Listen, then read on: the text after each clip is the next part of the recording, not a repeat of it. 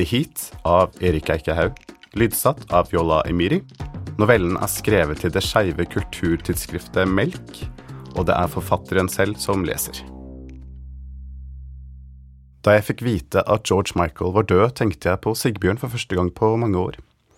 Sigbjørn var den første kjæresten jeg hadde etter jeg flyttet til Oslo på midten av 2000-tallet for å studere journalistikk ved høyskolen, den gangen det fremdeles var et vettugt karrierevalg. Vi møttes i kjelleren på London pub en sen lørdag. Han sto halvveis gjemt i mørket og smilte til meg med de hviteste tennene jeg noen gang hadde sett. Han drakk hvitvin, og jeg syntes var eksotisk da alle rundt ham, inkludert meg, drakk øl. Han hadde mørkt, kort hår, velstelt skjegg som var grått rundt munnen.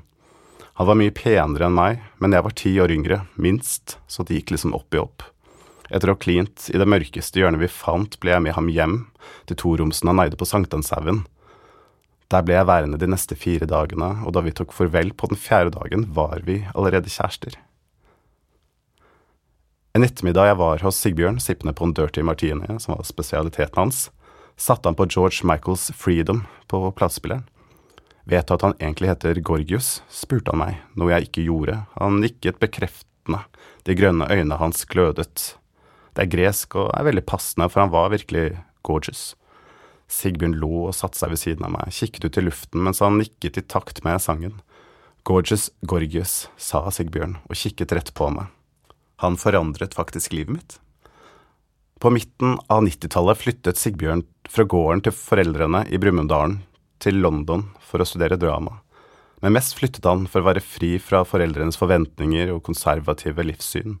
Han bodde i Bethnal Green, som den gangen fremdeles var et belastet område, og selv om friheten var herlig, var den også skremmende og fylt med ensomhet. Det siste var det verste, det var så mange ensomme kvelder. Sigbjørn hadde sin første homoseksuelle erfaring en slik ensom kveld. Etter å ha spist og drukket altfor mange øl på en pub i Mile gikk han beruset langs kanalen mot Victoria Park. Etter slusene passerte han en rødhåret fyr omtrent på sin egen alder, som stirret intenst på ham. Sigbjørn stirret tilbake, usikker på om han kjente vedkommende var det en klassekamerat, kanskje. Fyren nikket til Sigbjørn, som nikket tilbake. Da stanset fyren, kikket rundt seg, og etter å forsikre seg om at det ikke var noen i nærheten, forlot han stien, gikk mot et område med trær og busker. Før han forsvant inn i skyggene, snudde han seg mot Sigbjørn, gjorde en gest med hodet som indikerte at Sigbjørn skulle følge etter og selv om Sigurd egentlig visste bedre, gikk han av stien, fulgte fyren inn blant trærne, inn i mørket. Hi, I'm Colin, sa fyren, og før Sigbjørn rakk å introdusere seg, var Colin nede på kne hvor han fiklet med beltet hans. Etter avsugingen ble de to gående sammen mot parken. Colin var en hyggelig og åpen fyr, og da han forsto at de tre minuttene i buskene hadde vært Sigbjørns første seksuelle erfaring, påtok han seg rollen som Sigbjørns fairy godmother i Londons cruisingverden. Next time, go to the heat, sa Colin. Med The Heat mente han Hampstead Heat, en park nord i byen som ifølge Colin var Londons, om ikke verdens beste område for cruising, da det var ordentlig skog der med utallige steder å gjemme seg, samt flere stasjoner hvor man kunne forsyne seg med gratis kondomer og glidemiddel. Dessuten var det helt trygt. Politiet visste godt hva som foregikk, og så lenge man ikke pulte hverandre midt i piknikområdet på høylysdag, så de med en glede en annen vei.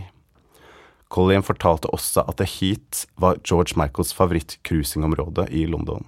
Han hadde aldri sett superstjernen selv, men han hadde snakket med andre som hadde sett ham, noen opptil flere ganger.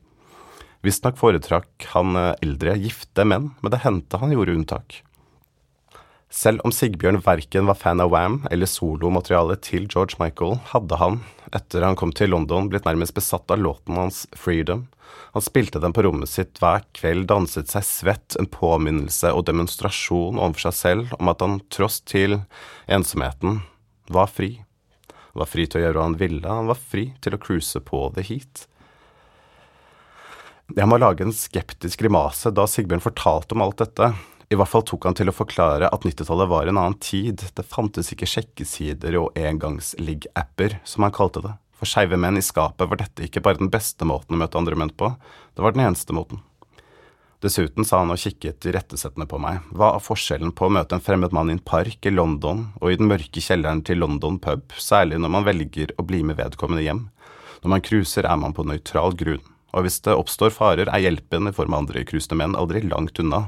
Du, sa han og plasserte fingeren sin på nesetippen min, tok en mye større sjanse da du i beruset tilstand attpåtil valgte å bli med meg hjem. For alt du visste, kunne jeg vært en psykopatisk homofob. Og dessuten, en annen fordel med cruising, sa han med et smil, du får masse frisk luft. Det tok enda noen uker etter møtet med Colin før Sigbjørn våket å oppsøke det hit. Det var en varm søndags ettermiddag tidlig på høsten at han forlot leiligheten for å gå seg en tur i skogen, i likhet med så mange andre vanlige folk. Det var i hvert fall det han fortalte seg selv, at hensikten med turen var så uskyldig som behovet for å bytte ut det urbane med naturen i noen timer. Allikevel gikk han skjelvende ned til tuben. Om bord på Northern Line stirret han i den tilfeldige boken han hadde tatt med seg fra leiligheten, våget ikke å løfte blikket mot de andre passasjerene da han var redd de straks ville forstå hvor og hva han skulle. Han hadde sjelden kaldsvettet mer enn den timen det tok å komme seg til Hampsteads. Da han endelig fant Jack Straws Castle, den gule bygningen som ifølge Colin en gang inneholdt Charles Dickensens favorittpub, var han gjennombløt. Det skinte varmt i høstfargene idet solen gikk ned, og det var noe romantisk med settingen, noe som fikk Sigbjørn til å forestille seg George Michael og han selv ha piknik i gresset eller sittende omslynget på en benk og se på solen forsvinne mellom trærne. Innen han hadde kommet til The Hill, som var området Colin anbefalte for en førstegangscruiser, var det bekmørkt. Det eneste lyset kom fra gatelyktene som sto sporadisk spredt langs stien.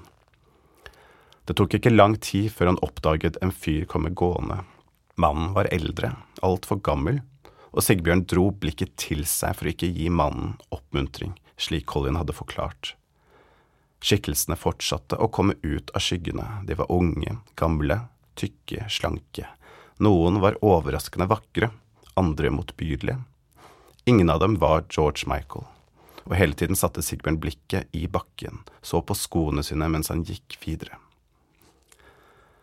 Selv om det ikke hendte noe den første gangen, fortsatte Sigbjørn å komme tilbake til The Heat flere ganger i uken.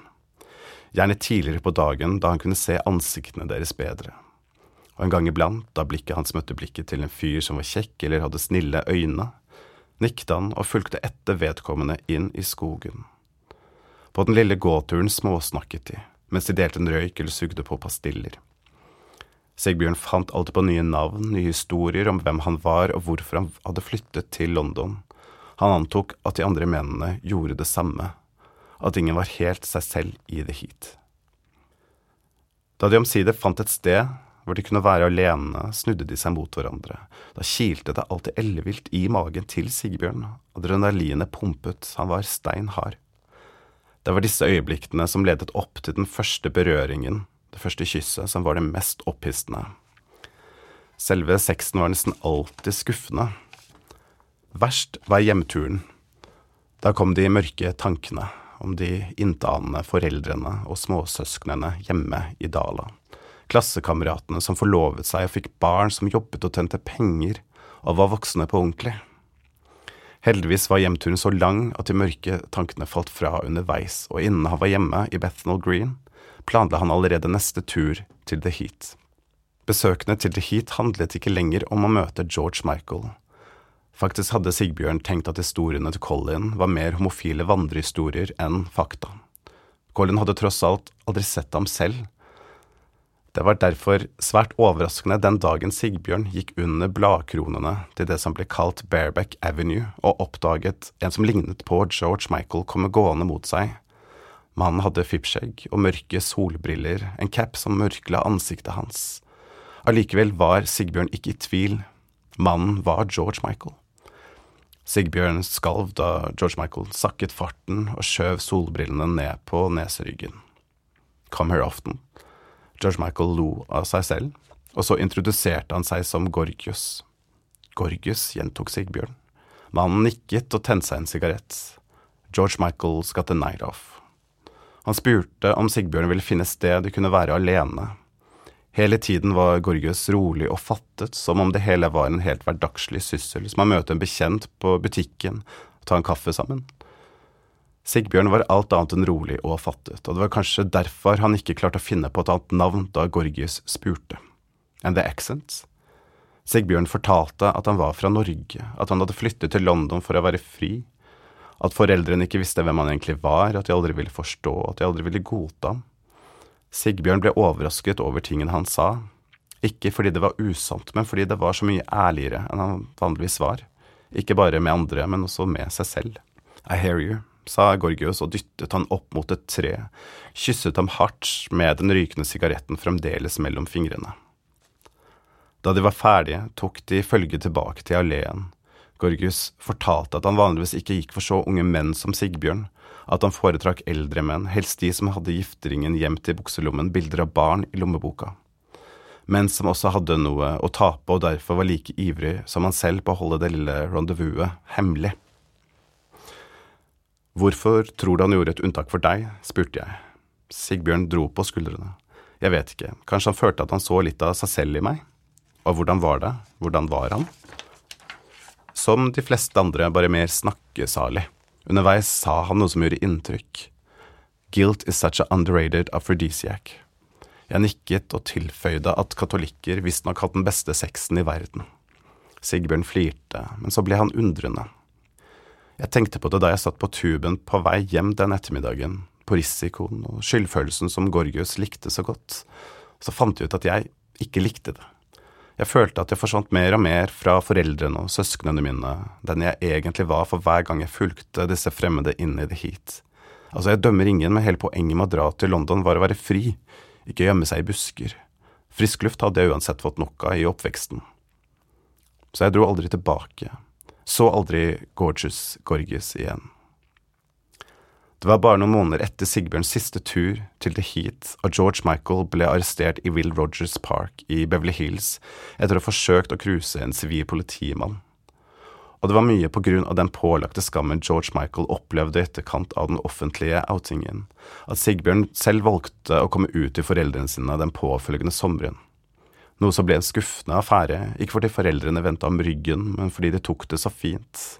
Her hadde jeg kviet for meg det i så mange år, og så ble det et antiklimaks. Pappa nikket og leste videre i avisen, mamma spurte oppglødd om jeg hadde møtt noen kjekke gutter i London. De hadde selvsagt visst det hele tiden.